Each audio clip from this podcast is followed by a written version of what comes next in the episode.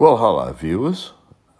Viewers, now I'll, we'll start up front by letting you know that if you're not seeing any vision, that's because simply this is an audio podcast. I've done a few before, and um, we always try to fool people, you know, viewers are listeners and all that sort of stuff. I'm going to put my, it's an iPhone 11 Pro. Uh, I'm going to put it in the corner here um, at 7:20 p.m. and just talk to you from here about a few thoughts I have about, uh, well, um, about the uh, Grand Prix from Imola last night. Imola hasn't had a Grand Prix. Oh, oh the phone's going down. Oh, the phone. Oh, there's a slippery book. Right, anyway, fixed it. Um, Imola hasn't had a really uh, long history of, of Grand Prix recently. Of course, last year with COVID, it did. And um, a very old school but classic track, unfortunately, where um, uh, uh, not only Roland Ratzenberger, who was David Brabham in Australia in the Simtek vehicle, F1s, lost his life um, a day before it in the centre. So, uh, why am I telling you this? Well, viewers, viewers, viewers, I have a little bit of background in this sort of area.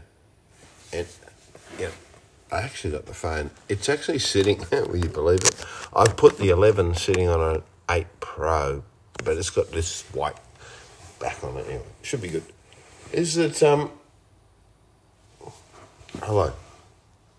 Hello, are you, t- oh, stupid thing. Is it talking? I, I don't know. First time I'm using this variant. That looks good. Oh, it is so badly slippery. I'll just hold my hand. Um, and uh, yeah, the track is dangerous. Let's just say that. Clearly, from you know the unfortunate events of of the 1990s. But I've never been there. This is surprising considering all the other places I've been to over there. But I watched with interest the racing last night, as I'm sure many of you would have done.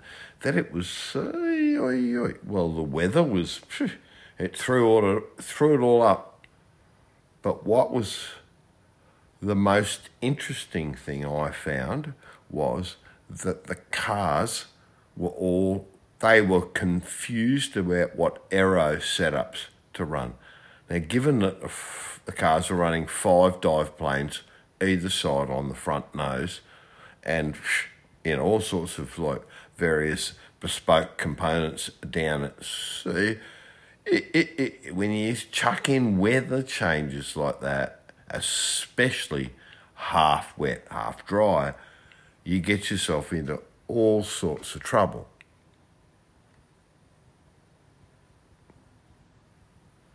Now, I sort of know this because I. It's not my first day out in motor racing, is it? So, here's what we have a very dangerous situation. And we've seen that before. But more so than actually because the the circuit hasn't really been super improved, and you know the the, the people on TV were more more likely trying to sell the real estate around for a viewing purpose than the fact talking about what the surface texture was about, because it it was very important very important for you to understand, or you, or the, a listener or a viewer, whoever you might be, is that um, like uh, with the aero being, you know, you don't know where it's going because you don't know about the tyres and you don't know half the traps, half, track is half wet, half dry. Hey, Hello, I'm an Australian. You want to come to Bathurst and experience that? Dry at the bottom, wet at the top, reverse. You figure out your confidence points.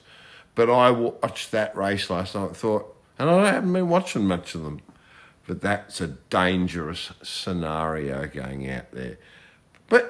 It all turned up all right. A little bit of a, know, a, a bit of a bang here and there, but might I suggest to those who are viewers or listeners to this short um, podcast, which yeah, is only an evolving variant of Radio Hot Lap, which you'll find on iTunes.